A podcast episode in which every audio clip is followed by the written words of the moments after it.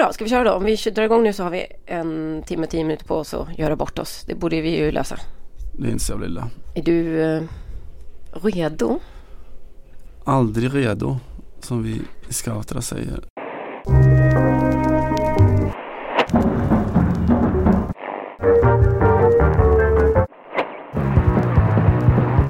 Why, what's the matter? You have such a February face, so full of frost and storm and cloudiness. Simon Bank heter du. Eh, jag gissar lite om ditt februari-ansikte. Mitt känns väldigt eh, fullt av frost och eh, moln. Hur är, hur är februarifejset på dig i Stockholm? det är väl vad det är. som jag skrev för ganska många år sedan om i någon slags eh, aforism om allsvenskan att eh, det är ungefär som att se sitt eget ansikte i spegeln att det, det är sannerligen inte vackert men det är mitt.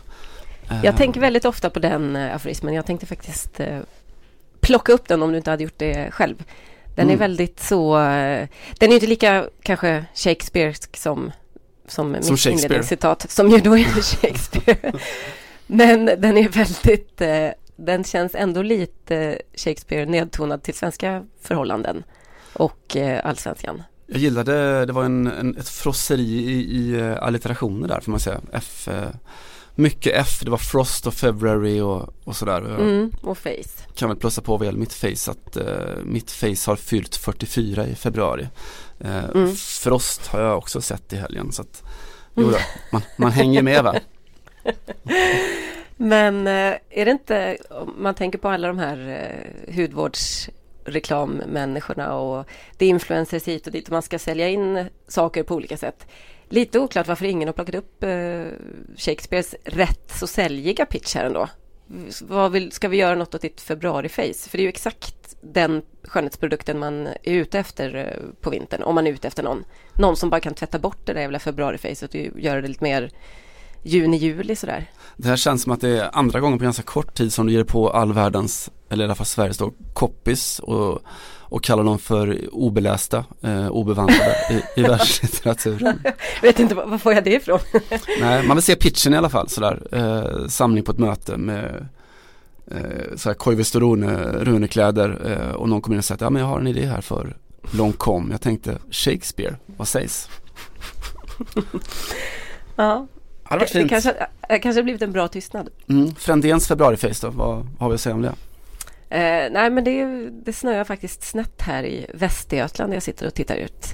Så att eh, det, nog känns det väldigt mycket februari över hela. Mm, det är inte någon jätte liksom rolig fotbollssäsong, alltså säsong i bemärkelsen period.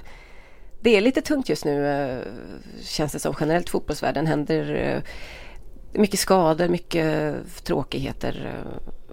Ja, jag vet inte. Jag själv så hade jag kanske inte riktigt bänkat mig men ändå vagt sett fram emot att få rapportera resultatet i eh, indiska, eh, i, ska säga, i, i ligmötet mellan Real Kashmir och East Bengal. Mm. Eh, det ställdes in av väldigt februarimässiga anledningar, nämligen eh, alldeles för mycket snö i eh, Himalaya-regionen där Real Kashmir spelar sina hemmamatcher. Eh, det är en superstory verkligen detta. Ja, bara det här att heta Real Kashmir. Det låter ju som något som man kanske skulle kalla Real Madrid-spelarna eh, om man bara liksom tog en titt på deras garderob. Det skulle kunna vara så här modenedslaget på något sätt. Kash, Kashmirtröjor och så vidare. Mm. Ja exakt och kashmirhalsdukar och det känns som ett väldigt så gångbart eh, Sergio Ramos plagg. Men Real Kashmir bildades i alla fall 2016 och det var verkligen bara någon, en sån lokal riking som drog ihop uh, lite pengar och köpte typ fotbollar för att uh, det, kidsen skulle ha något, någonting att göra i denna då väldigt uh, konfliktdrabbade region av officiellt sett Indien. Men Pakistan gör ju också anspråk på, på den här regionen Kashmir. Och och eh, det finns en stor självständighetsrörelse där också. Så att det, jag tror att jag läst någonstans att det är världens mest militär och eh, ja, ordningsmaktstäta plats på jorden. Det är ja, tiotusentals människor, upp mot hundratusen, som har fått sätta livet till i strider där de senaste åren. Och eh, fotbollen har väl fått stå tillbaks lite grann. Men Real Kashmir kom på fötterna 2016 och eh, två år senare så spelade de i andra divisionen. Ingen förstod riktigt hur det hade gått till och eh, förra året så gick de upp. Och nu så är de alltså tvåa efter Chennai, en poäng efter bara. Och i helgen hade de chans att gå om men mötet blev inställt då. PGA Snö i Himalaya. Mm. Ja, hårda bud alltså. Det är ju, det är ju kittlande med, med den indiska fotbollen att den är så, alltså vi har varit inne på det förut, men så genompolitiserad och sådär. Mm. Eh, du nämnde East Bengal också som, som mötte Kashmir. Mm. Eh, skulle, en inställd match är också en match och så vidare. De skulle ha mött dem. Mm. Gud ja, på samma sätt ett inställt världskrig är också ett världskrig. Det är ju mm. en, en, tuff, eh, tuff del av, av jorden det där. Eh, men just East Bengals store son noterade jag också. Vi kan så här, notismässigt plocka upp eh, världsnyheter. Att Baishung Bhutia, alltså den som väl rankas som en av, om inte den största indiska fotbollsspelaren genom tiderna. Eh, ganska ung, född 76 som efter karriären då sålt massa fotbollsskor och dragit in pengar och sådär men som nu också då gett sig in eh, i politiken. Eh, startat ett eget parti eh, i fjol. Mm -hmm. och siktar på att, eh, ja, att bli, bli eh, väldigt, väldigt, väldigt stor inom indisk politik. Det är en liten udda väg för en, en före detta superstar som han ju är. Ja, ja verkligen. Det är ju intressant också det här med hur många lag eller klubbar runt om i världen som plockar upp någon, någon, någonting från liksom den riktigt stora fotbollsvärlden och att det ofta blir då ett, kanske ett Real. Mm. Eh, jag känner liksom fortsättningsvis att det här ska bli mitt Real. Mm. Om du frågar hur gick det för Real i helgen? Just det. Så, ja, de slog ju eh, Mumbai Warriors med 3-0 och så vidare. Ja. Det finns faktiskt ett eh, lag, jag gick igenom där I-League då på jakten på roliga lag eller lagnamn. Tyvärr var det inte så tätt som jag trodde men det finns ett gäng som heter Churchill Boys om jag inte missminner mig. Det finns ju en historia där någonstans, eller hur? det känns som att det skulle kunna göra det eventuellt. En sån här gin och tonic indränkt eh, historia, kolonialt och fint. Det är precis, det är väldigt mycket det. Och det är ju intressant, vi har ju pratat också om det tidigare, att äh, återigen att Indien ses som världens sämsta idrottsland och hur kan de inte ha blivit bättre på fotboll med tanke på eh, imperiet och så vidare, det, det brittiska inflytandet. Eh, det var ju cricket som blev den stora sporten där mm. och fotbollen kämpar ju verkligen med eh, och är, gör väl ganska, tar ganska stora steg just nu. Eh, ger det 15-20 år kanske eller något sånt där så, så tror jag att det kommer bli ändring på det. Real Kashmir, eller Real då, eh, som vi kallar dem nu för mera, eh, tränas för övrigt av en skotte. Mm. Som, ja, bara det tycker jag är så det, För det känns som att det finns vissa, kanske gemensamma nämnare ändå mellan ett, en inställd match i ett snöigt och lite bråkigt eh, så, en karg indisk nordlig region och kanske Skottland, vad vet jag, men det skulle kunna vara så. Mm, du ser att ja, det, det känns som att det är nära. Det går säkert direktflyg. Det går med all säkerhet direktflyg mm. Vad har du hittat på sen sist eh, Simon? Alltså inte så himla mycket om man ska vara helt ärlig. Eh, jag har sådär miniklämt in, inga hela fotbollsmatcher utan eh, mer, mer halva och, och, segment och så. Mm. Eh, och ja, enda, enda hela matchen jag såg var i, i fredagskväll eh, när det helt på nytt födda Olympique Marseille eh, dundrar vidare med De slog teamarna Bordeaux i veckan och eh, överlevde även mot Dijon, det, det mäktiga, mäktiga Dijon. Så nu är allting bra igen. Mm. Balotelli på plats och ja, jag ser inte någonting ska kunna gå fel. Man gör ju sällan det med Balotelli i ett lag så. Nej. Det är ju en sån, det är en väldigt säker investering tror jag vi alla kan vara ganska överens om. Mm, man gillar grundtänk, grundtänket också med den mm. mest konstant krisande, osäkra, darriga, eh, bråkiga klubben i världen eh, som värvar Mario Balotelli för att gjuta vatten på vågorna, eh, mm. olja på vågorna. Mm. mm. Så nej då, jag känner ingen som helst oro där. Det går bra. Mm. Eh, och eh, sen, jag kikade också lite på på Madrid-derbyt eh, såklart. Eh, mm. Överraskande eh, bortaseger. Det är då inte riktiga Real men Real B Nej, precis. Madrid. Mm. Exakt. Själv då? Eh, ja, när jag eh, befinner mig i ett hushåll som faktiskt inte hade de kanalerna, det hände så mycket förstår du, man är borta några månader. Jaha, vad är det här? Okej, den finns inte. Eh, så jag har mest glott på Premier League och eh, sett PSG tappa Edinson Cavani också. Mm. Inför tisdagens eh, jättemöte med eh, Manchester United. Eh, såg för övrigt Manchester Uniteds match också. Det känns som att på bara kanske tre veckor eller ja, en månad i alla fall så har verkligen den här balansräkningen bara eller balansräkningen, vad ska man säga? Men kraftbalansen eh, på något sätt har den har verkligen svängt. Pendeln har svängt, som man säger kanske. Till Uniteds fördel. Nu känns det som att eh, de är faktiskt favoriter i den här matchen och PSG har ett rejält jävla manfall. Jag tror att, att Neymar försvann var ju otroligt olyckligt och även om de har fått börja vänja sig vid det för han var, gjorde, det var precis samma sak förra året och i åttondelsfinal. Men eh, Cavani kanske inte, alltså att han missar den här matchen kanske får kanske inte lika stor uppmärksamhet men det är ju ett minst lika stort bortfall för nu har de helt plötsligt, de har liksom ingen, de har inga ordinarie anfallare kvar i princip känns det som. Nej, det är de, de två nycklar de haft också. Alltså, eh, kontringsfotbollen så har du Cavani och eh, mot uppställt försvar så har du Neymar. Ja men precis. Mm. Det är som alltid Kylian Mbappé som får fixa biffen då. Ja, ja det blir lite så.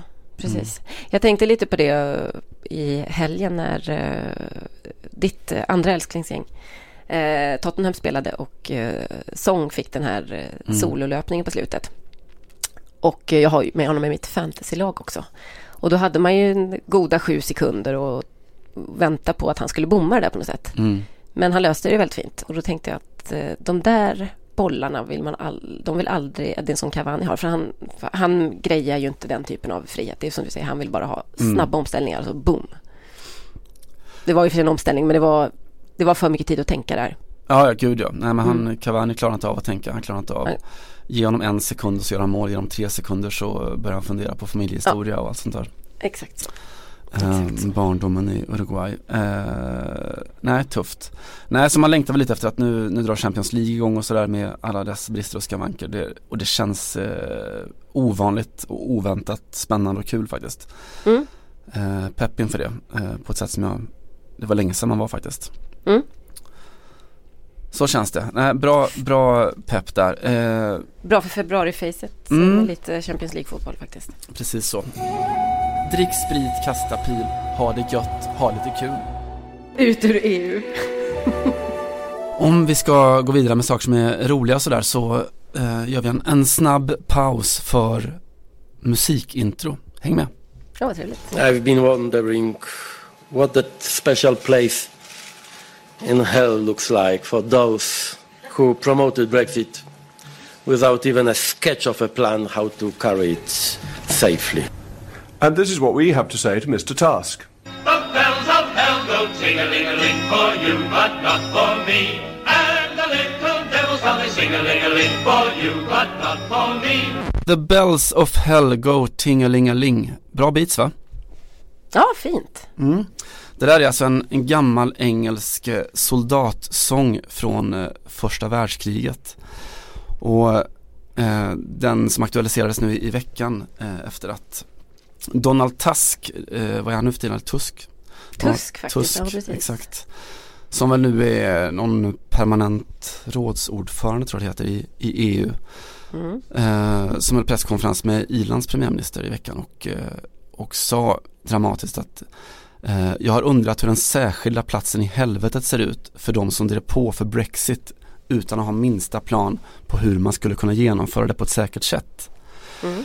Eh, hård bredsida mot eh, Theresa May och hennes eh, regering. Eh, och svaret kom då ganska omgående från Jacob Rees-Mogg Eh, Tory-politiker med det där generiska Tory-politikernamnet. Eh, han är ju liksom själva här, symbolbilden för en engelsk högerpolitiker. Det är Eton och Oxford-utbildning. Eh, och eh, extremkonservativa åsikter liksom, eh, mot samkörande äktenskap och vad det nu kan vara. Så man, man ska heta eh, precis så, man ska ha precis den utbildningen och man ska ju framförallt då vara kul. Eh, Men jag, får jag bara kasta in en liten, alltså ni måste gå in och titta på, han, på honom i sociala medier. mm. Eh, det finns ett Instagramkonto, för det är också väldigt mycket så lite så här konstig lugg och tweedkavaj, alltså just allt som du säger. Och så är hans barn väldigt ofta med på ett lite oväntat sätt då, när de har kamp- framförallt när de kampanjade mot, eller för Brexit. Så, så gick de runt och tog lite bilder här och där och då var det någon som väldigt så på pricken kommenterade att det ser ut som att Wes Anderson eventuellt sköter hans sociala medier. Och det är väldigt mycket den känslan över det. det. Hade inte gått att göra bättre parodi på en, precis som du säger, en sån här public school eh, konservativ engl- eh, engelsk politiker. Det är otroligt roligt om det inte hade varit helt sant då kanske. Ja, gud ja. Alltså det enda som fattas för att eh, skriva slut historien på, på karikatyren av engelsk eh, högerpolitiker är att han någon gång den närmaste tiden kommer liksom hittas på ett hotellrum eh, med någon slags eh, morot i någon, någon kroppsöppning och bun, Mm. bunden och med nazisymboler eller Alltså någon sorts eh, väldigt excentrisk Perversion. skandal och perversion, exakt Mm. så. Mm. Ja, du har helt rätt. Eh, Men det jag vill lyfta hos honom är framförallt då att han är, han är också rolig liksom. Eh, Hans kontring på Tusks utspel då kom hans, hans egen ra- radioshow eh, och då spelar han just den här eh, The Bells of Hell Go Tingelingeling. Och om, ni inte, om ni inte hängde med i texten så går den så här eh, The bells of hell go tingelingaling for you but not for me. For me the angels sing a sing-a-ling-a-ling. They've got the goods for me. O death, where is thy sting-a-ling-a-ling? O grave, thy victory. The bells of hell go ting-a-ling-a-ling. For you but not for me. Han vände alltså på det och sa att ja, det här kommer bli helvetet men inte för oss för vi, vi kommer klara oss fint. Mm. Men eh, EU utan oss, ni kommer ha det jävligt jobbigt. Eh, och det slog mig då att eh, hur mycket jag egentligen saknar just det här i, i Premier League nu för tiden. Den här klassiska brittiska Noel Coward eh, så. Eh, och jag vet inte om det är priset som man får betala för globaliseringen. Liksom att det finns inte så särskilt många engelska managers kvar längre. Det är väl typ bara Sean Dyche som är, som är kul nu. Eh, Mm. Neil Warnock kanske också men det är inte, Ja, kanske inte to meningen. hell with the rest of the world. Det är väl en, eh, en klassisk, de är ju lite samma lag också. Ja, väldigt mycket. Han och Reece. Mm. And to hell with the rest of the world, eh? Football wise as well, yeah. Kanske det som krävs. Så att det är lite så här, de har fått in intelligens och kunskap men de har fått ut allt som är kul. Det är min, Mm. min minispaning. Jag vet inte om du eh, håller med om den? Jo, jag tror eh, absolut det. Alltså det, fin- det finns väl inte något utrymme längre för de här, vad ska vi kalla det kanske, Harry Redknapp-gänget som Ja. är bara lite så här som bara kör lite grann och mest är så här, den, den, lite så här nice blokes på Mm. något sätt. Och så, eller fotbollmän, men de kanske är helt renons på eh, utveckling och de, det är inga visionärer och sådär. Det är bara de har alltid varit där och, så, och de, de ska alltid finnas. Så är det inte riktigt längre och så blir det framförallt inte när man kanske tar in en liksom ung portugisisk genomutbildad eh, generation och sätter på tränarbänkarna så. Det är väl, det är väl en rimlig iakttagelse. Mm, det är väl egentligen Jür- Jürgen Klopp håller väl den humoristiska fanan högt. Och han är tysk liksom. Jag vet inte vad det har att säga om världens utveckling.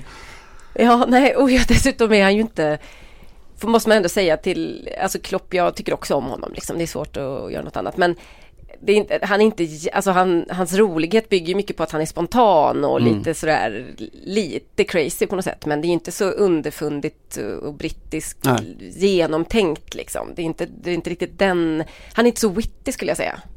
Nej, han är nog inte det. Han är, eh, han är mer så här roliga timmen, kul liksom och en, Ja, den här känslan att han, men han kan nog dansa på diskot efter någon eh, titel eller sådär. ja. eller när de inte vinner en titel också uppenbarligen, för det var väl det han gjorde efter Just det. Champions League-finalen, var ute och festade till klockan fem med supportrar och så vidare. Ja. Som man gör. Eh, Och ja, när man pratar om just den här, den utdöende arten, eh, brittiska kul managers så vill jag också lyfta på, på hatten för min favorit i skråt. Eh, som är, och då är vi tillbaka från, tar den korta resan från Kashmir till eh, Glasgow. Eh, John Lambie, om han är bekant, eh, han, ni kan med fördel se honom om ni inte känner till honom i en alldeles fantastisk BBC-dokumentär eh, som kom för ganska många år sedan som heter eh, Grasping the Thistle. Eh, den är alltså ett porträtt av dels då klubben Partick Thistle, tredje klubben i Glasgow. Eh, men framförallt då ett porträtt av just John Lambie. En eh, sån här karikatyrartad skotsk fotbollstränare. Legend i, i, eh, i Partick Thistle som då var känt för att han älskade samurajsvärd, han gillade fotboll, han älskade cigarrer och han gillade duvor. Eh, så, I vilken form? ja, så att, Och så att, äta? Och... nej nej, som, som tävlade, han hade sådana här duv, duvslag på, på sin vindel av sitt tak och där han eh, gick runt och, och förklarade då varför, vad är det han gillar med duvor egentligen? Så här, eh, jo att de är, de är inte som, som fotbollsspelare, uh, they never fucking talk back.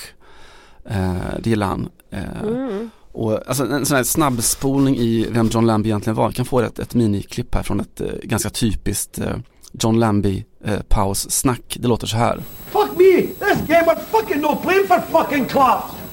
Fucking all in. Fucking don't understand half he's near a day. Fucking unbelievable. Så där lät det då. Eh, ni förstår hur mycket jobb de hade i BBC när de skulle lägga in alla beep och eh, censurljud där. Eh, men han var i alla fall en karaktär, han var kul eh, och när han dog då i fjol så stod hela Glasgow då i skuggan av Rangers och Celtic stilla och grät och saknade, saknade John Lambie och de saknade en tid som försvunnit och kanske aldrig kommer tillbaka. Och eh, på minnesceremonierna så, så berättade man med all säkerhet då den allra mest klassiska John Lambie-historien. Det är när hans Thistle då spelar en väldigt viktig match och eh, en av hans nyckelspelare, en anfallare, får en riktigt hård smäll i, i huvudet. Och sådär tas av planen och läkarna står och undersöker honom och kollar ögon och räcker upp fingrar och allt sånt där. Och eh, John Lambert börjar bli stressad och eh, skriker till läkaren sådär, vad, ja, hur är det med honom? Eh, och läkarna förklarar ju då att, eh, ja men sorry Gaff, liksom han, eh, han vet inte ens vem han är. Och Lambie svarar, then tell him he's fucking Pele and bring him back on. För fint. Ja, de görs inte riktigt längre och det är såklart naturligt. eh, Det är världens gång men det är väldigt, väldigt tråkigt att eh, humorn är på väg att fasas ut. är min poäng. Ja, men det är nog, för att återvända till Re- Real då. Mm, vilket, Eh, det riktiga. det, ja, det riktiga. Mm. Precis. Eh, Real Kashmir som då tränas av David Robertson, eh, skotten som var en eh, ganska så habil, långvarig back i eh, Rangers faktiskt på 90-talet. Innan det spelade han i Aberdeen.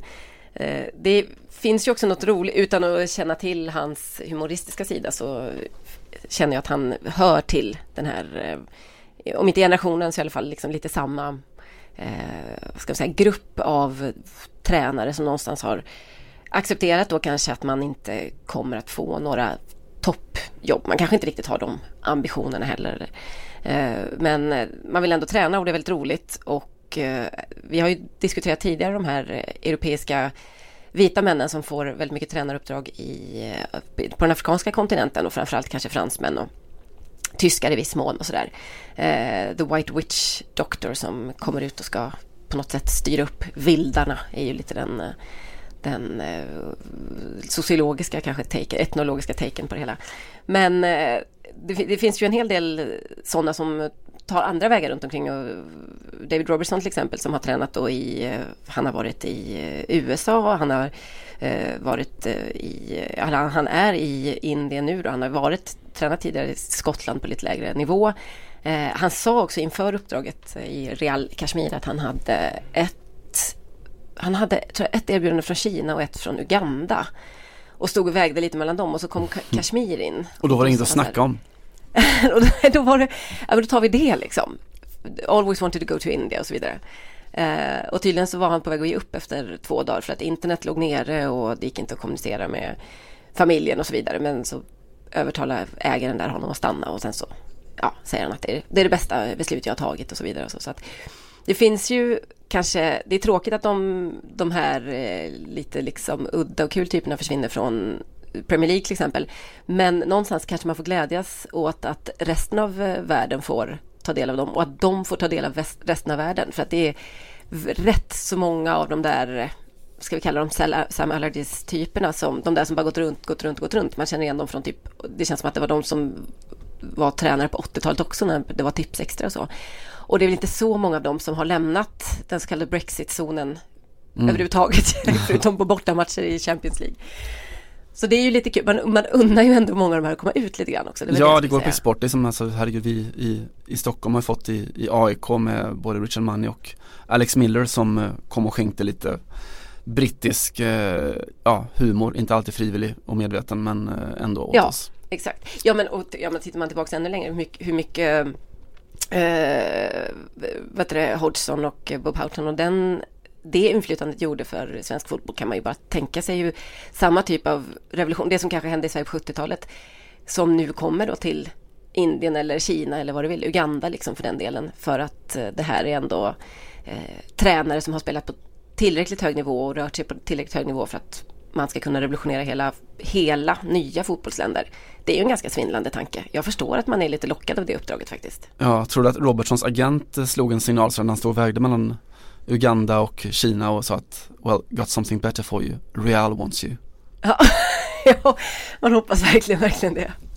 Och sen så åkte Robertson dit så skulle han ringa hem och säga This was the fucking Kashmir, Real Kashmir. Men det gick inte för att eh, internet och telenätet låg nere. Typiskt.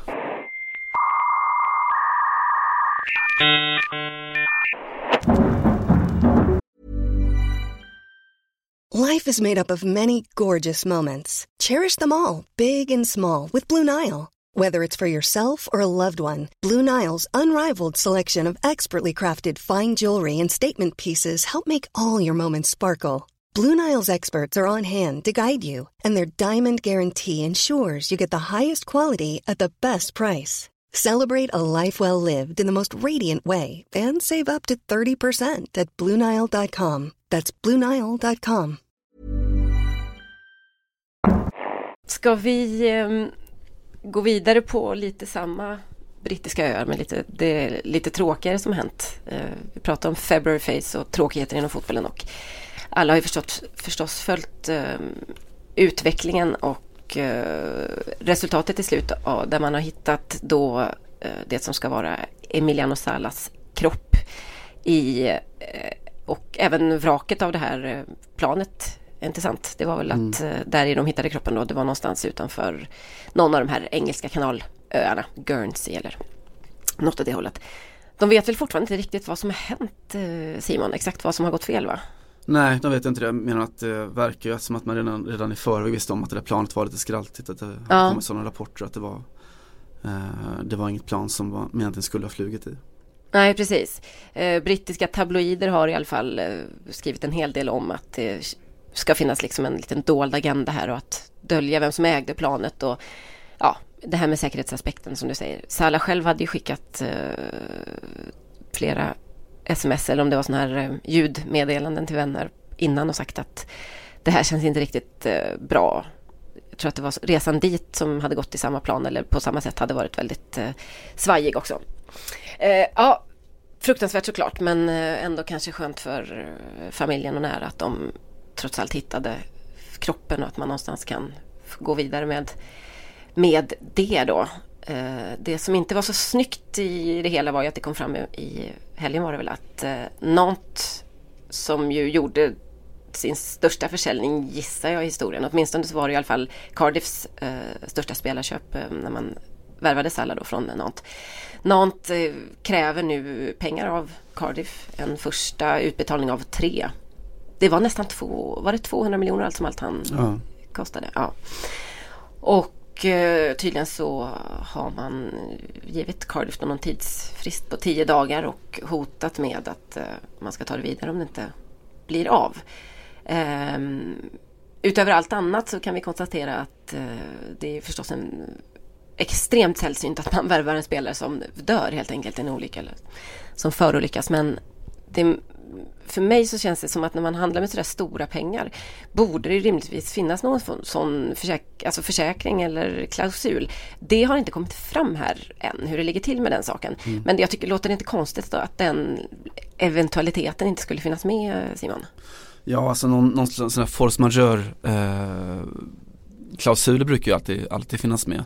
Ja, Men, ja, men det är ju, alltså rent juridiskt är det ju oerhört kittlande. Det är ju, eh, utan att dra några som helst övriga jämförelser så finns det ju, det har funnits ett, ett pågående fall i Sverige med, med Malmö FF gör en värvning från Sirius av en spelare som sen fälls för att ha sex med minderåriga och så vidare och, och såklart inte kan, inte kan spela för Malmö FF. Eh, och en, en, diskussion kring vad kände egentligen tidigare klubben till och, eh, och sådär. Och hur regleras det. det försäkringsmässigt? Det är ju en jättetuff ekonomisk smäll eh, mitt bland mm. allt annat. Då.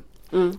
Ja exakt. Eh. Ja det blir ju det och någonstans så får man ju kanske förstå det även om det känns Alltså det rövigt, kan inte vara, ja det känns jävligt rövigt och det kan inte vara roligt att sitta på liksom någons ekonomikansli och börja skicka de här mejlen då eller ringa de här samtalen till Cardiff. Och det är väl kanske en sak att det sker. Det, det som känns riktigt liksom respektlöst är ju att det någonstans att det kommer ut i, mm. i media för man vill inte veta det här riktigt. Och jag känner också kanske av respekt för hans familj så blir det mm. här makabert verkligen. Man brukar säga att liket hade knappt kallnat. Här hade det ju inte bärgats än mm. när den här diskussionen kom upp eller när det här kom ut i media i alla fall.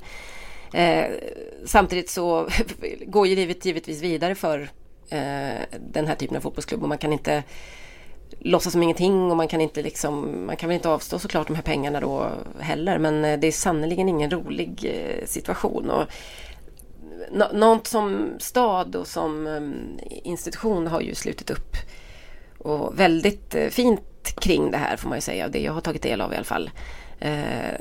Något som klubb kan man väl diskutera om det här var, om de inte hade kunnat vänta ett tag med de här kraven kanske. Det, det, är ändå intressant att diskutera det här för det är inte, det är inte första gången det händer att en fotbollsspelare dör. Nu var det, det exceptionella här var ju att han stod mitt emellan två klubbar då. Eh, men det finns ju en hel del eh, nuvarande exempel. Ja, vi har ju eh, Fiorentinas lagkapten David Astor till exempel. Mm. Förra året var det bara va? Ja. Eh, och så vidare. Eh, Dani Charke, Espanyol. Sevillas, eh, vad heter han nu? Puerta va? Just det. Och så vidare. Eh, jag skulle vilja bara kasta ut frågan lite grann. Det är väl du som får ta upp den då. Vi är inte så många fler som sitter och gör den här podden. Mm. hur ska man... Eh, hur hanterar man en sån här situation på ett bra sätt? Finns det några bra sätt? Och vad, är, vad, vad, kan, man, vad kan man göra liksom som klubb? Men jag tror att alltså, ärlighet är någon slags grund, att hitta, hitta rätt eh, grundackord i, i det. Det blir ju såklart, alltså eftersom det, det är så det funkar även på ett privat plan så, så blir det stora känslor och det blir alltså, lätt att man sådär, på något sätt skönmålar och så men, men att hitta rätt i att är det här eh, hur, hur stor är den här människan för oss? För att man man kan nästan också profitera på sorgen och det är så här fruktansvärt att, ens lyfta en sån fråga men man får inte ta i för mycket liksom. Eh, utan måste, man måste bottna i den känsla man har och alltså just Fiorentina-fallet tycker jag är ju, är ju eh, fantastiskt som en, ett exempel på hur, hur man kan agera och hur man, hur man ska agera. Mm. Eh, det fanns ju många som även där då profiterade på ett jävligt fult sätt på, på när nyheten om David Astori kom ut och så var det någon som spred en falsk nyhet om att klubben då skulle ha förlängt hans kontrakt efter att han dött och för att familjen skulle få pengar. Och det var helt mm. enkelt inte sant. Det, var ett, det hade varit en fantastisk gest men det var inte sant. Nej. Utan det var någon som ville liksom dra nytta av de allmänna höga känslolägena. Just det. Eh, men allt som Fiorentina gjorde under hela den, liksom, de första dagarna, alltså från sekund ett och och framåt, man, hyllningarna till, till Astori, sorgeprocesserna där man bjöd ja. in hela staden och hela Italien egentligen var ju eh, oerhört, oerhört eh, på pricken. Eh, vilket väl också på något eh, perverterat sätt visade sig att Fiorentina som lag också gick alldeles fantastiskt då. Eh. De gjorde sin bästa segersvit på 30 år någonting efter mm. Eh, det där dödsfallet. Ja, det var ju otroligt eh, anmärkningsvärt faktiskt. Ja och det på något sätt kanske också hängde ihop det där, nu spelar vi för Davide i det fallet mm. faktiskt mm. var så. De spelade med 12 man där i ganska många veckor. Just det. Men precis som du säger, det är många som vill profitera på något sätt på det här. Eh, det finns en del klubbar som, där man nästan känner att de bygger sitt, ja, sitt varumärke lite grann i de här situationerna och att det är ju kanske den det man har överlägset svårast för om man nu ska välja ut någonting som är sunket i i, den här, i de här fallen för att alla pengar som är inblandade är givetvis eh, perverst att ens prata om. Men världen är ju pervers och pengar är pengar liksom. Men sen finns det också eh, klubbar som kanske inte som kanske tar i lite överkant som du säger eller supporterfraktioner som eh, som inte heller kan respektera och bara liksom låta det följa någon lugn och stilla gång utan att man ska, att man ska hitta då eh, konflikter i det här eller man ska hitta eh, kampanjer eller man ska sprida den typen av rykten som du sa som spreds ju väldigt mycket över hela världen innan det dementerades för övrigt på, på sociala medier. Så det var ju också en liten, en liten lektion. Eh, det, det speciella med Fiorentina var väl att han var ju lagkapten så att det mm. blev ju det var ju redan, han var ju redan en samlande kraft på något sätt. Och att spelarna också var, sa det efteråt att de, man, de stannar kvar efter träningen och de börjar göra liksom en massa grejer ihop för att ingen vill åka hem och ingen ville... Det enda sättet att inte hålla på och tänka på det här hela tiden var ju att vara tillsammans liksom och, och, och försöka återskapa någon form av, av normalitet liksom. Mm. Eh, det är fascinerande vad sånt där kan göra med en grupp såklart. För det är väl det det handlar om. Oh ja, oh ja och någonstans också eh, sådär som man inte heller får, får prata om men hur fungerar det för ett motståndarlag sådär. Man ska, man ska genomföra en match där, när matchen i sig är en total bi, biberättelse eh, mm. och där man inte, man inte ens liksom biskådespelare den, den större berättelsen och hur ska man hantera det. Just det. Eh, man kan inte komma och vinna en sån match med, med 4-0 till exempel. Det, det, Nej. Det skulle kännas ofint på något sätt. Nej, precis. NIM slog ju Nant här med, mm. jag tror att Nant ledde med 2-0 och så gjorde NIM fyra mål på raken. I, ja, nej, det är inte helt lätt att ge instruktioner till motståndarlaget såklart. Man får ju inte, kan inte utklassa dem i alla fall känns det som. Nej, nej. nej. nej det, är, det är väldigt mycket den känslan och det var på det temat när AIK har haft flera sådana, den sortens upplevelser eh, och erfarenheter. Eh, spelat den sortens matcher eh, och när de när Ivan Torina eh, så tragiskt omkom och de mötte IFK Göteborg efteråt och man det var ceremonier och det var brutet spel och allt vad det var. Man hade den tydliga känslan att IFK Göteborg hanterade situationen så oerhört fint men att det var som att de inte riktigt var närvarande heller för att de, de hamnade i en annan berättelse. Den handlade inte längre om dem. Nej. Så de var inte riktigt där. Nej, just det. Det fanns ju, eh, det finns ju ganska många klubbar som har eh, och Nantes är väl det senaste exemplet här där publiken har ägnat den minut då som mm. var tröjnumret hos uh, den förolyckade spelaren att uh, applådera till exempel. Och det finns ju också faktiskt lag som har sagt ifrån att vi klarar inte av, det blir, vi måste gå in i den här matchen då. Uh, undrar om det kan ha varit Sevillas, uh, alltså att A-laget sa det, att uh, varje minut 22 när det ska applåderas och vi ska minnas Antonio Puerta så det, det, blir för jobbigt. Det mm, blir för jobbigt. Mm. Alltså det blir en påminnelse som, som inte de klarar av. Mm. Alltså det som tränger igenom allt det här adrenalinen och det professionella tänket och liksom vinnarinstinkten och vad du vill. Eh, att det kan också bli en, ja, en, en, sorts börda till slut. Vilket man ju kan förstå någonstans och, och kanske sympatisera med. Även om jag förstår också att, att många vill hedra eh, sin bortgångne kapten eller vad det är med, med den här typen av gester. Mm. Mm. Det var fel minut. Jag kommer inte ihåg vilken, vad han hade för tröjnummer. Vi får återkomma med det. Ah, jag minns inte heller. Nej. Någonstans mellan 0 eh, och 90 i alla fall. För att det, det rymdes under en match. Just det. Just det. Mm. Dessutom undrar om det inte var så i, i Barcelona när Erik Abidal var borta med eh, cancer i, och han fick eh, transplantera sin njure eller njure var det har jag för mig. Mm. Ja. Så applåderade de också. Det var, då, det var ju det som var minut 22 förresten. Mm. Eh, tror jag. Ja. Eh, och eh, då var han ju vid liv, eller det är han ju fortfarande så att säga. Mm. Så det blir också en lite så här, ja, ja, ja. Tack för stödet men jag, jag, jag lever så att säga. Ja, ja. Jag har inte gått bort än. Man kanske ska behålla de där gesterna tills dess då, om det skulle bli så. Just det. Okej.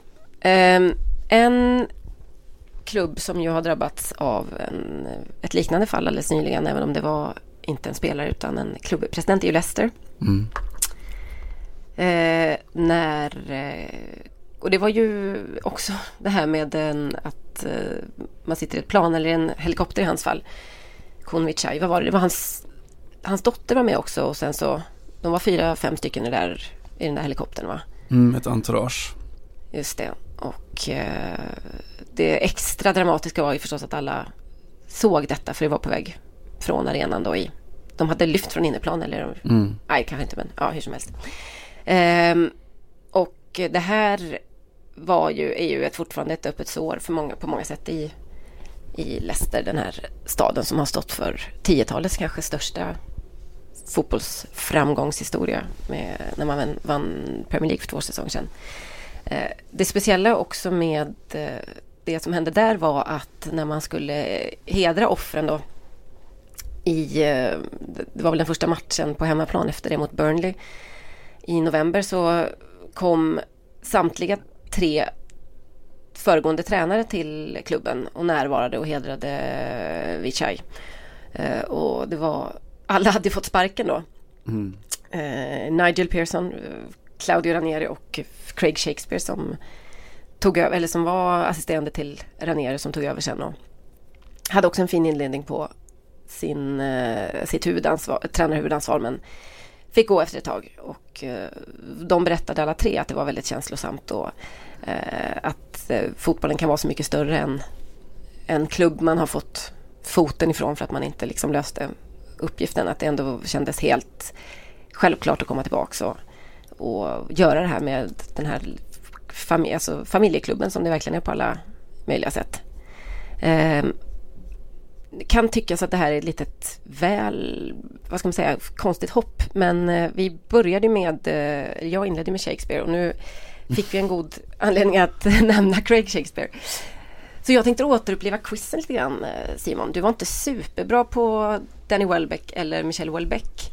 Men jag Jag var du- usel faktiskt. du var ganska usel, men jag tänker att du skulle kunna vara lite bättre kanske på William Shakespeare eller Craig Shakespeare. Så jag satte ihop ett litet snabbquiz här för att vi ska få upp eh, moralen en aning. Nu har vi mest pratat om eh, tråkigheter Ah, taget. och eh, plocka av oss vårt eh, February face. Är du redo? Mm. Som jag är. Det är ganska enkelt då. Jag kommer läsa upp ett citat eller en rad citat och så får du säga vem det är. Här har vi Shakespeare eller Shakespeare.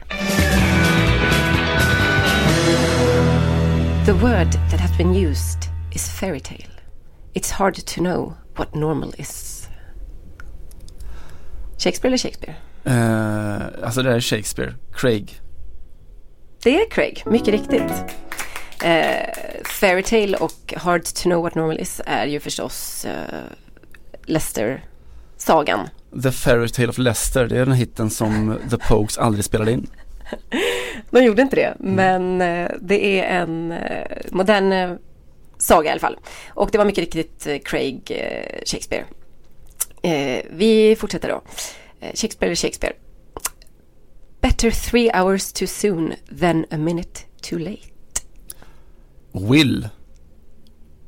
Det var väl fan, det är ju helt rätt. Jag tyckte det var en sån given fotbollstränarinstinkt att Ja. hålla på och se till att alla skulle komma tid till träningen och så vidare. Ja, Men jag tror att det där är hans kända sonett om sex, är det inte det? Okej, du överraskar mig eh, Simon. Det var jag. Eh, det var precis det det var. Det var exakt eh, hans sonett om för tidig utlösning som ni alla hörde. Eh, med eh, twisten då, att eller tre timmar tidigare, för tidigt än en minut för sent. Vi fortsätter, Shakespeare eller Shakespeare.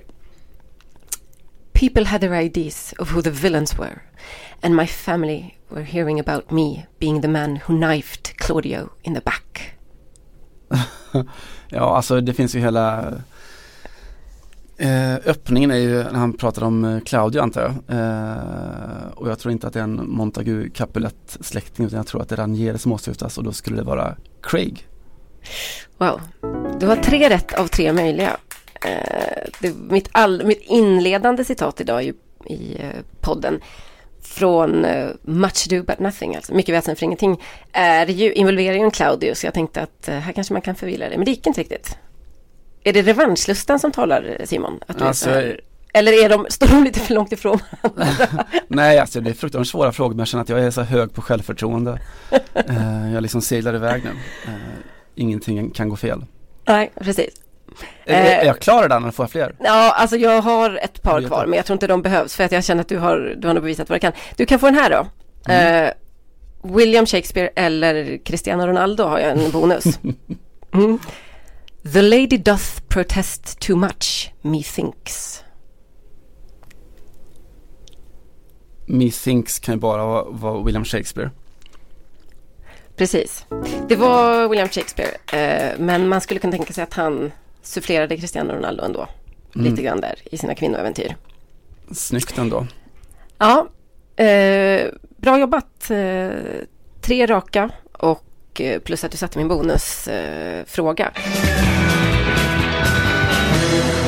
det gjordes ju en hel del eh, sådana så kallade Shakespeare-referenser när under Craig Shakespeares ganska så korta tid vid eh, rodret där. Vad var det? Ett par, tre, fyra månader kanske? Det sånt. Något sånt. Ja. Mm, det var många journalister som älskade det här såklart. Det kom en hel del frågor på presskonferens om eh, to be or not to be och så vidare. Ja, det tog aldrig slut. Eh, det snyggaste kom faktiskt från Leicester mittfältaren är han väl, Wilfred Ndidi. Som efter en match där man hade vunnit skrev så här. Uneasy lies the head that wears the crown. Massive three points far away from home. Great support from the fans once again. Uh, uneasy lies the head that wears the crown är alltså från uh, Shakespeare-pjäsen Henry den fjärde. Han har skrivit om hela blodslinjen där, så det är den lite mindre kända tidigare Henry den fjärde helt enkelt. Var inte det snyggt? Alltså det är ett otroligt underbetyg till här Chelsea, eller Chelsea, Leicesters spelartrupp att de inte körde så hela tiden. Eh, tre månader med Shakespeare-referenser, det har varit helt fantastiskt roligt. Men ändå att Ndidi dundrade ut det här på Twitter utan några större åhävor, åthävor och sen så var det bra med det. Massive three points far away också tycker jag är bra. Ja, ja, Som en uppföljning. helt strålande. Eh, Jag tänkte minisy ihop där förresten med, du tog upp Ronaldo eh, och eh, vi pratade om, om döden förut eh, och det tragiska, tragiska dödsfallet. Eh, Cahiers de Fotboll, eh, en sån favoritpublikation som jag tror bara är digital nu. Jag har sett eh, det är ett franskt eh, fotbollssatirmagasin. Eh, med bra jag journalistik. tror att de faktiskt kanske finns fortfarande. Jag såg den alldeles nyligen i fysisk form i alla fall. Om de inte precis har lagt ner. Eh, jag vet inte, de har ju gett ut en sån här, någon sorts bokform i alla fall vet jag. Men, Just det, det var nog den jag såg då. Eh, Ja, jag tror det, någon sån vacker samlingsvolym eller så. Ah, okej, okej, det var slut. eh, Okej, okej. Ja, men då är Eh, men de, är- de är kul i alla fall, de är, de är rasande roliga. Eh, och de hade då långt före Mohammed Salahs eh, eh, Mohammed Salah sa det, förlåt, Emiliano Salah.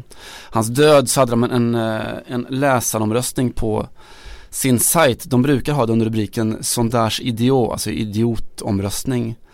Ja, det. Eh, och det gjorde de då apropå att eh, Robert Fourisson, fransk historiker och eh, världens kanske allra mest kände förintelseförnekare.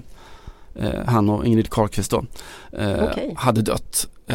Och Fourisson dog i Vichy, symboliskt nog. Mm. Och Cahiers de Fotboll frågade då sina läsare eh, vilket då som skulle vara de absolut mest lämpade ställena för kända människor att dö på. Eh, så att säga ganska hård, ganska svart fråga. Mm. Men det var liksom alternativen var just Ronaldo, eh, ja i spegelsalen i Versailles. Och sådär, eh, N'Golo Conte i öknen, oklart varför. Eh, och Zlatan Ibrahimovic som är på ett hörn såklart i Cavaillon. Eh, och det tarvar väl sin etymologiska förklaring. Cavaillon är en eh, sån liten stad i sydöstra Frankrike någonstans där de är, de är mest kända för att de har eh, för sina meloner och på franska så när man pratar om prendre le melon så är det väl, ja du får rätta mig om jag har fel, men det är väl typ att man är liksom eh, Ja, vad säger engelsmännen så här eh, Big headed, alltså har, har storhetsvansinne ungefär Mm. eh, så, I carried a watermelon. Just det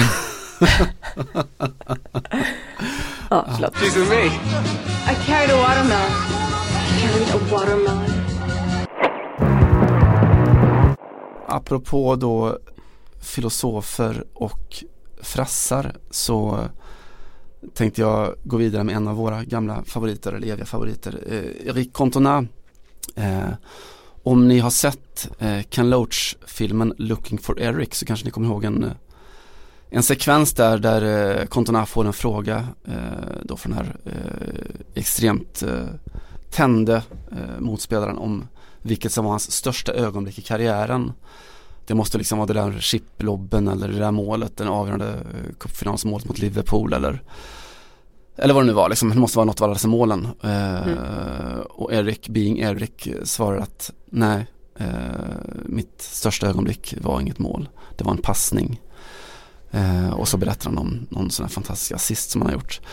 Eh, det här plockades upp också senare av en, eh, en fransk filosof, filosof, filosofiprofessor som heter Jean-Claude Michéa som skrev en eh, essäsamling eh, som heter Le plus beau but était une passe Eh, alltså det vackraste målet var en passning. En av de finaste fotbollsbokstitlar jag någonsin hört va? Mm, verkligen, den har jag inte läst. Det måste jag ju kasta mig över känner jag. Ja, och den, den talar ju till en va? På, på rätt många sätt. Mm. Får man ju säga. Och jag, även om man kanske inte alltid håller med så, så håller jag med. Man vill ju tycka det att, att passningen är ju nästan alltid finare än målet. Ja, ja, det finns faktiskt en väldigt hyperaktuell eh, rörlig bildillustration till detta får man ändå säga. Eh, just i helgen, om vi pratar li lite om Liverpool också. Eh, Firmino står ju för en fantastisk eh, sidoklack, kallar jag det i brist på Till eh, Salah när han gör mål mot eh, Bournemouth. Sista målet är det tror jag i matchen. Som är sådär, eh, precis som du säger, man, man, alltså ett riktigt snyggt mål kan man ju bli liksom så här, wow, lite eh, kanske impad och, och, eh, det kan ju förändra världen på något sätt. Mm. Men en, en vacker framspelning kan ju förändra ens själsliv på något sätt som inte som nästan inga andra fotbollsmoment kan. Ja, det skulle vara en riktigt vältajmad brytning kanske. Ja men lite, alltså jag tycker passningen är ju, är ju speciell i det att alltså målet ligger ju där målet ligger. Man vet det, det finns i alla fall en, en fast punkt i alltihopa. Eh, brytningen förhåller sig till bollen. Ursäkta, nästan enbart. Eh, passningen förhåller sig till allt. Den förhåller sig till till 21 andra rörliga spelare eh, och till målet och till mm. tiden och rummet på ett, på ett helt annat sätt. Mm. Eh, så när någon lyckas kontrollera allt det där, det finns massa olika typer av målpassningar som är ja, som, som lyckas omfamna precis hela världen så på ett lite annat sätt. Eh, ska lyfta någon, någon sån här favorit, jag har ett par såklart men eh, om du minns, minns eh, och det är klart El Clasico semifinalen i, i Champions League 2011 tror jag. När eh, det är Pedro som gör målet, det är Iniesta som slår passningen. Men det så är Iniestas passning då en sån här liten stickpassning i straffområdet. Mm. Eh, helt otrolig, men den in, involverar också att, att bollen går egentligen till Leo Messi. Som släpper bollen bara, han hoppar över den liksom. Så att mm. först gör Iniesta den briljanta tolkningen av tid och rum och sen så gör Messi precis samma sak mm. eh, en tiondel senare innan Pedro gör det Pedro gör och löper in med bollen. Mm. Liksom. Ja, precis. Så uh, Pedro har ju aldrig gjort en tolkning av tid och rum. Men han, aldrig gjort en passning. Han, lite, nej, lite så. Det är precis, det är kanske är det som är skillnaden på genier och eh, glada kanariefåglar. Mm. Men eh, som ju också behövs förstås i ett lag. Han var ju otroligt eh, framgångsrik och, och, till och med ganska så viktig för Barcelona just de där åren.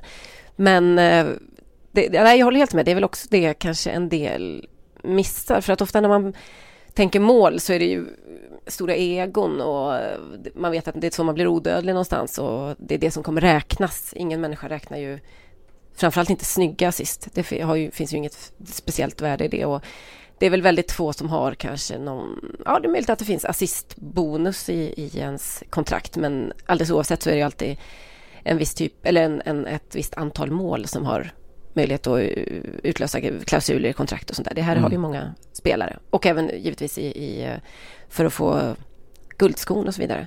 Men det är faktiskt helt sant med Leo Messi, hur mycket mål han än gör, att han har ett par sådana där briljanta överhoppningar mm. i karriären. Och det var inte så länge sedan, nu kan jag inte säga exakt vilken match det var som han gjorde det, så att det har inte riktigt försvunnit. Den, det geniet lever kvar och när han är i total harmoni så tror jag så trumfar det ut viljan att, eh, att göra mål faktiskt.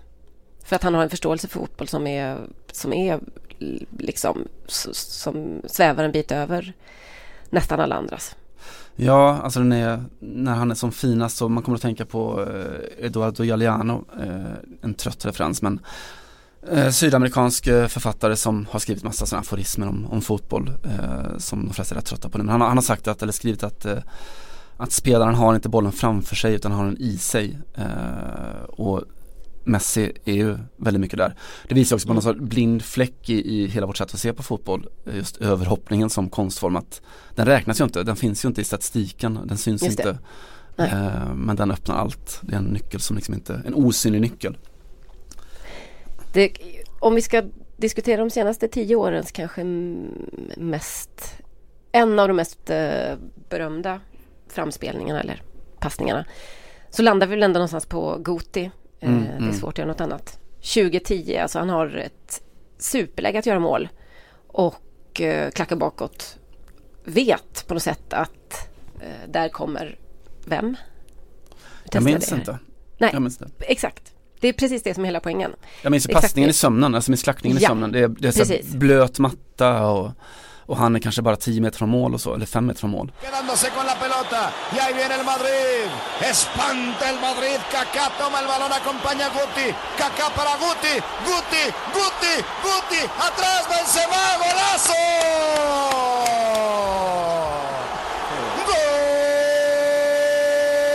Han är bevakad liksom av två men han har, han har ett eh, jätteläge och så slår han den där klacken och eh, det är till Benzema faktiskt. Mm. Som, eller till, jag vet inte ens, den, den går bakåt men Benzema suger upp den och dundrar in den i mål. Men det där är ju Gotis mål. Och, Och Goti firar som att det är hans mål också. ja men det, är- det är liksom, jag tror att Benzema skäms nästan lite över att det, Mm. inte, att det inte är Gotis som hamnar i målprotokollet någonstans där.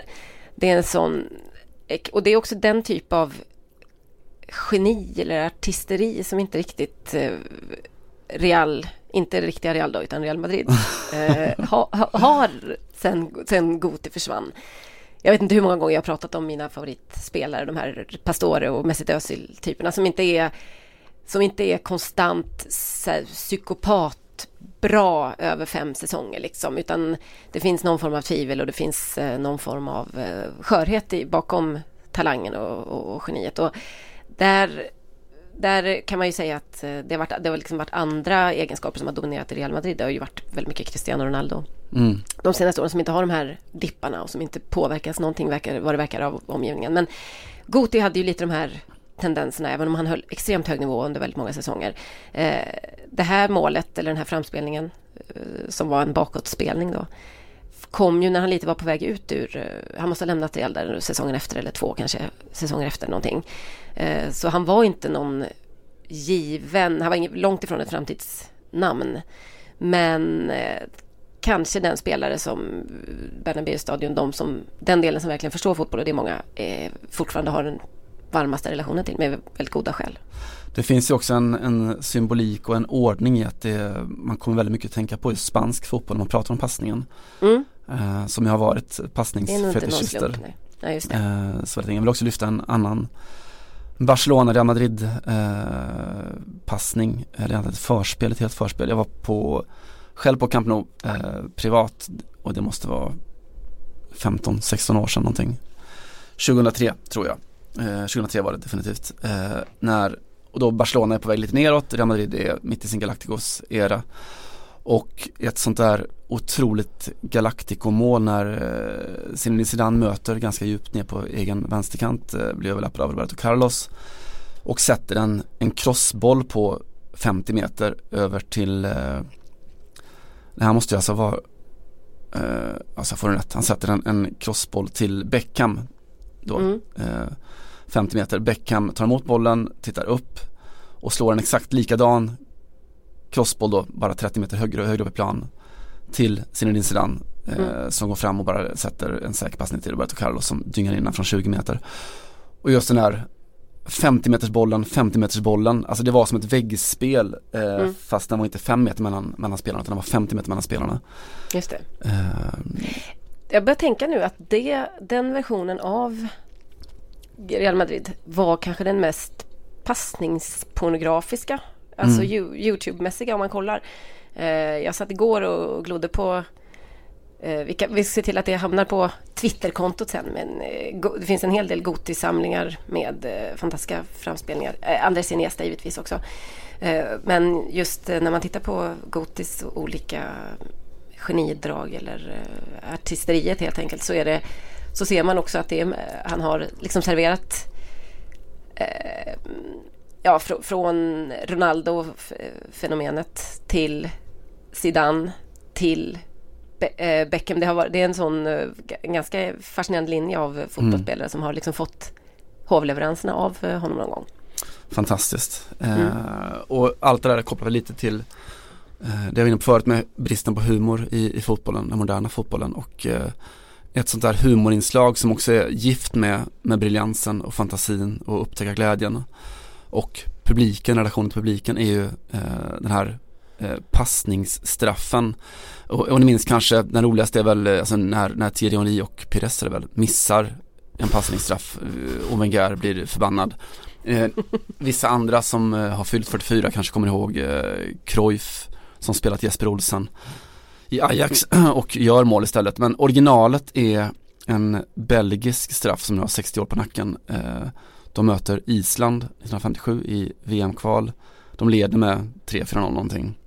Eh, och Rick Koppens, eh, belgare då, säger bara två ord till sin kollega, eh, kallad briljant nog Popeye Peters. Han säger bara tvetiden, alltså två bolltouch Eh, och de har inte tränat på det, de har inte pratat om det förut. Eh, men de har men fått straff i alla fall då? De har fått mm. straff precis. Mm. Eh, och Popeye förstår spontant exakt vad, vad Rick Coppens menar. Och Rick Coppens går fram, passar bollen, petar han i sidled, får tillbaka bollen och gör mål i öppet mål. men just den här nytolkningen av någonting, alltså alla i hela världen vet exakt hur en, hur en straff slås. Ja. att den just slås och så är det någon som ifrågasätter hela regelverket och bara ja. bryter med det. Det är faktiskt intressant för första gången man ser en sån där straff och samtliga motspelare alltid när det, när det sker, vilket ju är ganska sällan, vet ju någonstans, ja just det ja, mm. så här får man göra. Mm. Men det är också, reaktionen är alltid så här, vad fan! Aha. Alltså lite så, alltså det, det är ju väldigt sällan det, det, är som att alla, folk blir otroligt förorättade av den här typen av, får den här typen av straff emot sig. För att det känns, det känns som fusk på något sätt. Fast det kanske är egentligen det mest visionära man kan göra någonstans. Ja absolut. Eh, Rick mm. sa att han, han vill göra någonting speciellt och extra för publiken. Eh, fint, han, jag älskar att vara kreativ. Fint, sen var han petad nästa match men eh, ja, ja, så kan ja, det gå. Totalt värt det.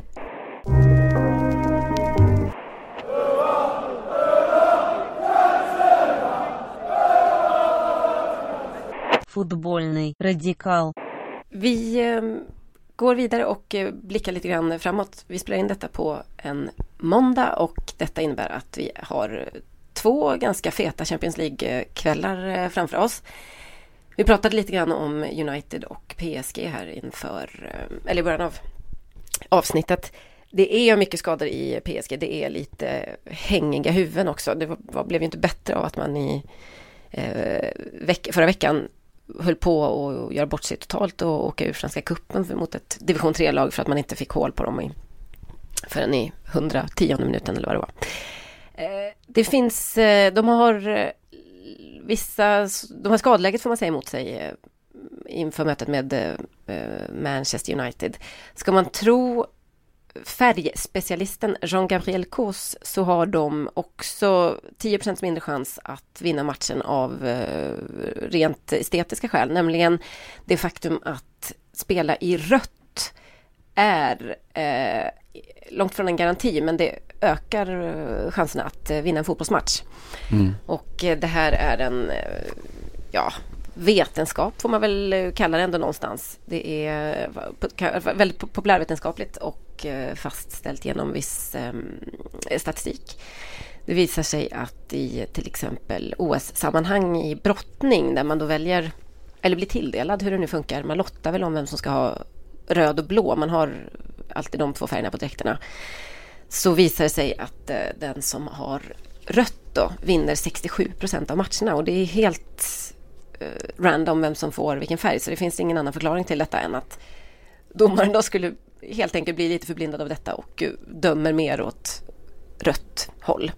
Eh, i, även i andra kampsporter, taekwondo, så har man räknat ut att eh, det är 13 procent större chans att vinna om man nu har rött på dig. Och eh, det finns en massa förklaringar då till detta. Rött eh, signalerar domination eller aggressivitet, auktoritet. Socialism. Det gör det också. Eh, och eh, det är faktiskt en helt eh, annan historia. Det bygger på ett missförstånd. Det var nämligen så att när, jag tror att det var i franska revolutionen så var rött royalisternas färg. Men när de hade stormat Bastiljen eller ja, så, så revolutionära så tog man i alla fall royalisternas flagga för att bevisa att man hade eh, besegrat dem helt enkelt. Den var röd. Eh, och när Lenin fick se detta då, vi antar att det inte var vare sig live eller eh, så att säga rörlig bild, utan han fick detta berätta för sig i alla fall på ett eller annat sätt då, så tolkade han det som att rött därför var den revolutionära färgen. Men från början var det inte alls det. Det var bara ett sätt att eh, ta den röda fanan från monarkisterna. Och rött var, har länge varit en eh, väldigt eftertraktad färg på eh, antiken och så vidare. Så var den väldigt svår att framställa och fanns inte naturligt på så mycket. Så att man, det var mycket bestyr med att färga kläder rött. Och Kleopatra bland annat hade detta som stort projekt. Man använde urin och det ena med det andra. Eh, bakgrundsinfo kallar vi det. Eh, det som gäller nutid är att eh, rött då på, även på en fotbollsplan har liksom bär då den, här- de här auktoritära dragen. Bland annat sägs det att det är därför som eh, rött kort, alltså utvisningar, just rött för att det signalerar någonting som är, det är stopp, det är förbjudet liksom det här har man gått över en gräns och så. Så det är, och då undrar jag så här, för jag har nämligen konstaterat, jag vet inte om du har något liknande, men ibland om jag ligger och kollar på en fotbollsmatch och liksom dåsar iväg lite grann, eller du vet att man kan, man tappar fokus och så händer det någonting, så har jag märkt, det här är jättemärkligt, jag vet inte om det är någon mer som lyssnar som har samma erfarenhet, att jag eh, alltid hoppar till om det ett lag är klätt i vitt, om de gör mål, för att instinktivt så har jag märkt att jag håller på lag som är klädda i vitt. Det är jätte, jättekonstigt. Eh, du kanske inte gör det, du kanske också jag, gör det. jag kan ju helt relatera till att, att jag hoppar till när ett lag som har vitt gör mål.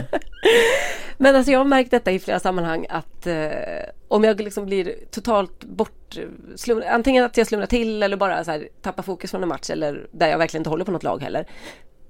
Så är det som att när jag vaknar till så är det alltid det vita laget som jag, eh, jag kan komma på att tänka nej om de mm. missar en målchans till exempel.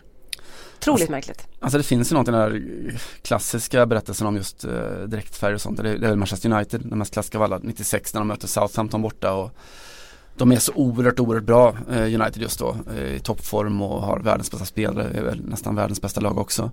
Eh, och ligger under med 3-0 i paus eh, på Tidell och eh, för att de spelar i grått, det är i alla fall Alex Fergusons analys, de byter ju direkt i, i paus till sina va- vanliga röda. Och då pratar man ju också om att det inte bara var psykologi utan också var att eh, man såg inte solljuset så det, det grå försvann. Mm. Och jag vet att i England så är det så att de eh, allra flesta ligatitlarna har tagits av lag som spelar i, i rött. Eh, Alltså mer än hälften eh, fram till i alla fall början på det här eh, decenniet var det så. Ja och det är klart att det visst Liverpool och Manchester United spelar i rött så att Go figure, det är inte så jättekonstigt. Mm. Men det Och finns ju forskning, genomförd eh, empirisk forskning också som handlar om straffskytte. Där då en viss antal spelare fått lägga straffar först mot målvakter klädda i rött och sen mot målvakter klädda i andra färger. Och Mm. man såg att utfallet var väldigt tydligt att det var svårare att göra mål på, på målvakter klädda i rött.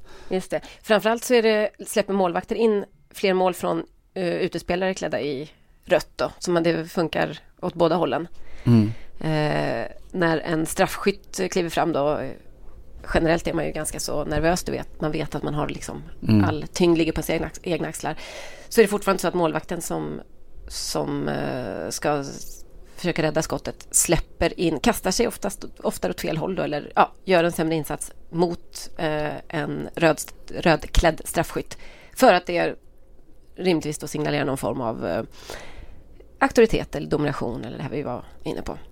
Färgerna är det undermedvetnas modersmål som Jung sa. Oj.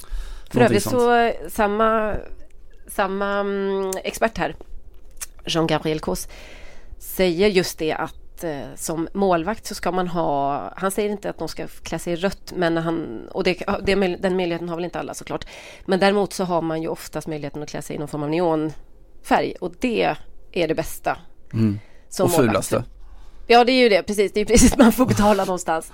Men det är svårare att göra mål på en eh, målvakt i skrikiga kläder, för att det stör mer helt enkelt. Eh, mexikanskt känns det på något sätt. Det är kul också att veta att, att franska revolutionen och revolutionärerna där var eh, de första huliganerna då, för det är väl det som firmor gör, snor varandras eh, banners och sånt Mm. och flaggor. Eh, allt som händer här har alltid redan hänt för eh, 230 år sedan i Paris. Så är det. Ja, man får leva med det.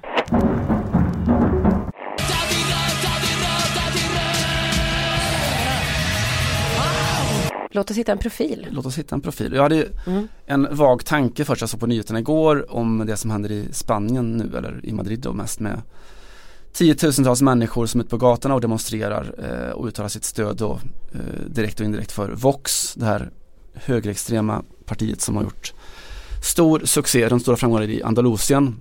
Mm. Det är eh, traditionellt röda tror jag va, Andalusien. Mm. Eh, och nu Det så börjar de då röra sig framåt i, i hela Spanien. Och Vox, för er som inte vet det, det är ett, eh, ja, man får säga hög, högerextremt parti va? Mm, det tycker jag. Ett, eh, med, med, med ett, en, en viss eh, fascistiskt, vad ska man säga, arvegods får man väl, Mm. kan man väl säga utan, utan att överdriva. Ja, och de eh, hatar kvinnor, i alla fall kvinnor som rör på sig. Eh, som har velat avskaffa lagen om jämställdhet, de har velat skrota en lag som handlar om att skydda kvinnor som utsatts för, för våld inom äktenskapet eh, och är förstås mot invandring och sådär. Och det som jag hade tänkt prata om var att en av de som har slutit upp då bakom Vox är Javier Tebas som är också då president för ligafotbollen i Spanien. Nej, det har jag missat. Fy farao. Och ja, de verkar bra eh, har han sagt. Eh, jag har sagt ett tag att Spanien behöver en alternativröst som Vox. Man måste respektera eh, 400 000 människor som har röstat för dem i Andalusien. Det här är samma man som eh, all, inte ger sig innan han får lägga ett klassiko i Miami. Just det. Mm, så att eh, rörelse åt vissa håll tydligen går, går bra. Globalisering, Mm. men med, Med förnuft. förnuft. Ja, han har också sagt då Tebas att om de fortsätter så här så kommer jag rösta på, på Vox. Eh, och vi har pratat förut om, om den spanska damfotbollen och vilka hinder de stå, står inför och har, har haft att slåss mot. Nu förstår vi kanske ännu mer då när vi, den spanska ligafotbollens mäktigaste man eh, lutar åt det här hållet. Men jag tycker att Tebas Förvånad att han uttalar Mm. sig om du får om Ja. du tillåter en liten personlig reflektion här i ett sånt extremt, jättesvårt att se nästan något annat land att någon på hans position skulle göra det. Det ju, känns ju som en själv, rätt så själv, alltså det är en politisk post i, i alltså den mån att fotboll är politiskt men så där långt brukar de ju sällan gå. Ja, Den är kommersiellt konstig om man säger så. Ja, jag menar det. Han är ju redan väldigt, väldigt ifrågasatt i Spanien och det här Mm. kommer ju inte direkt eh, öka hans popularitet an- annat än hos en ännu ganska så liten minoritet ändå. Just det. Eh, men jag tycker han är inte värd att vara profil. Eh, att få den eh, väldigt eh, statusfyllda utmärkelsen. Utan jag, jag tänkte faktiskt återkoppla till någonting som du pratade om förra veckan. Det här med att eh, om, med kändisar inom an, andra områden som får framgångsrika fotbolls och idrottsbarn. Mm. Och då tänkte jag prata om eh, eh, Udinese och deras eh, Primavera-lag som mötte Fiorentina häromveckan. Mm. Eh, och under de här matcherna, mötena mellan Fiorentina och Udinese så har eh, Matteo Renzi suttit på läktaren, alltså förre premiärministern. Mm. Eh, chockartat nog precis lika gammal som jag. Eh, men han är ju, Renzi är ju då öppen och diehard Fiorentina-supporter. Men i just de här matcherna så har han hållit på Udinese eftersom hans grabb Francesco spelar för Udinese. Ja, men se där. Mm, I samma lag som eh, Kalmar Svante Ingelsson eh, också då. Tänk om man skulle bara få sammanställa alla de här då. Nu vet jag inte, hur gammal sa du att han var? Han är väl 17 tror jag. Ja, så att det är inte he- han skulle då, i alla fall rent, eh, det, alltså det finns en, en, en viss rimlighet att han skulle kunna spela i samma lag som Madonna, Son och David Banda. Kanske också Amadeus Sörgard som är väl något äldre. Han är där i krokarna också. Och eh, vad hade vi mer för, eh, ja vi hade ju Joey Stars eh, son, han är det. 14 då. Men Mattis. n- vid något, ja Mattis, vid något tillfälle så skulle man ju drömma om, om man nu ska skapa en sån här riktig Galacticos för 2020-talet, Att någon bara liksom trycker ihop alla kändisungar i ett lag och så får man se hur mycket jobb de kommer få med så kallade stand-in agenter, det vill säga deras föräldrar, när det ska förhandlas om nya kontrakt och grejer. Jag tror att det skulle kunna bli en sån, en bra dokusåpa. Kan det vara en nisch för Real Kashmir kanske? Verkligen. Mm. Eller eh, möjligtvis eh, Novosibirsk eh, fotboll radikal. Lätt, ja, jag, gillar Om vi har tänker. det är klart vi har råd. Ja, vad fint. Så Mm. att han är liksom eh, fotbollsfarsa. Han är fotbollsfarsa och Mm. Francesco Renzi, då, alltså det är klart, spelar du Udineses Primavera-lag så är du en stor talang. Mm. Han gör en del mål också, han är striker, stor kille. 1,85 någonting. Hmm. Eh, så vi följer upp honom, vi har koll på honom, tycker jag. Han är veckans profil.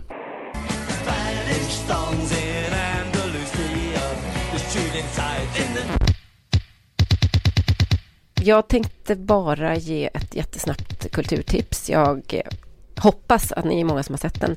Eh, med anledning av eh, morgondagens match på Old Trafford så tänkte jag tipsa om en av de roligaste musikfilmerna som någonsin har gjorts och eh, som handlar om eh, den stora musik och elektroscenen inte minst i Manchester på 90-talet framåt. Filmen heter eh, 24 Hour Party People. Den kom 2002 och det är Steve Coogan som spelar huvudrollen på sitt vanligt briljanta och superarroganta sätt.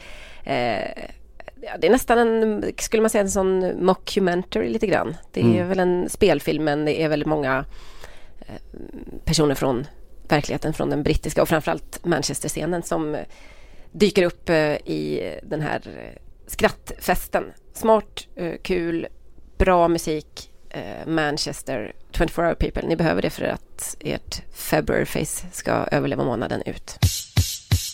Som vi gör, grym film, eh, grymt tips för någon som inte sett det. Eh, och överlevnadsstrategi 2 som syr ihop veckans säck. Vi efterlyste ju den förlorade humorn i engelsk fotboll. Men det ska ju sägas att det finns ju fortfarande motkrafter eh, och då fattar ju alla att jag pratar om Peter Crouch. Eh, och musik då ska vi in på. Eh, när Spanien vann VM 2010, eh, det följde du ju väldigt intensivt. Minns du vilket sån här inofficiellt soundtrack de hade då? Oj, nu ska vi se här. Nej, jag har inget minne alls av det faktiskt. Kasabian, eh, engelskt rockband som också sen då eh, bjöds in, Iniesta bjöd in dem till eh, guldfesten. Men sötnos. Ja, här kommer finnas eh, cola och brudar, sa Iniesta och så kom de över. Eh, och, Nej eh, men kok, jag menar Coca-Cola. ja, ja, det var, det var Pom-pom-tjejer, vad tror du? besvikelsen hos Kasabian när de kommer till, till logen och hittar en back läsk. Ja. Eh, men eh, Kasabian, eh, om man ska fotbollskoppla dem så eh, är det omöjligt att komma förbi just Peter Crouch som är ett Kasabian-fan. Som Mm. gick på konsert här om året och inte var såklart i VIP-logen eh, som han hade kunnat vara. Han, han eh, är ute och crowdsurfar. Öppet för rätt många skämt där. Men är man 2.01 lång så behöver man inte ha, man behöver inte, han behöver ju aldrig fundera på att han inte ser i alla fall. Nej det är mest schysst mot alla andra, han är också en god människa. Det är schysst mot alla andra att han lägger sig istället för att, för att stå. Dessutom, ja just det. Du som är inte en två meter lång, du hamnar väl alltid bakom Peter Crouch-typerna på konserter antar jag? Ja, det kan man säga. Eh, men det är inte Kasabian jag ska tipsa om utan Peter Crouch, hans, han är ju genuin musikfan och har faktiskt bra smak eh, för att vara fotbollsspelare. Och han har också då varit med faktiskt i en video en gång häromåret. Eh, ett indieband som heter Peace eh, som gjorde en video till sin låt Against Strange. Där de då castade efter att få någon eh, sån här käv-typ i eh, trainers och, och eh, mjukis-overall som mobbar eh, emo-grabbar och jagar runt om en bil. Eh, och det är klart, det var, inte, det var rätt lätt att hitta rätt typ liksom. Det är klart att det var Crouchy. Eh, för fotbollsproffs är, är ju inte emos så att säga. Eh, kanske Goti undantagen. Eh, och Crouch är en av de lyckliga få som är välsignad med och välsignar oss med sin humor. Här är musiken, eh, googla fram videon också. Gen Strange med Peace. Och med det så säger vi väl då Peace out. How do you do it? How do you know to keep on walking when there's nowhere to go? Man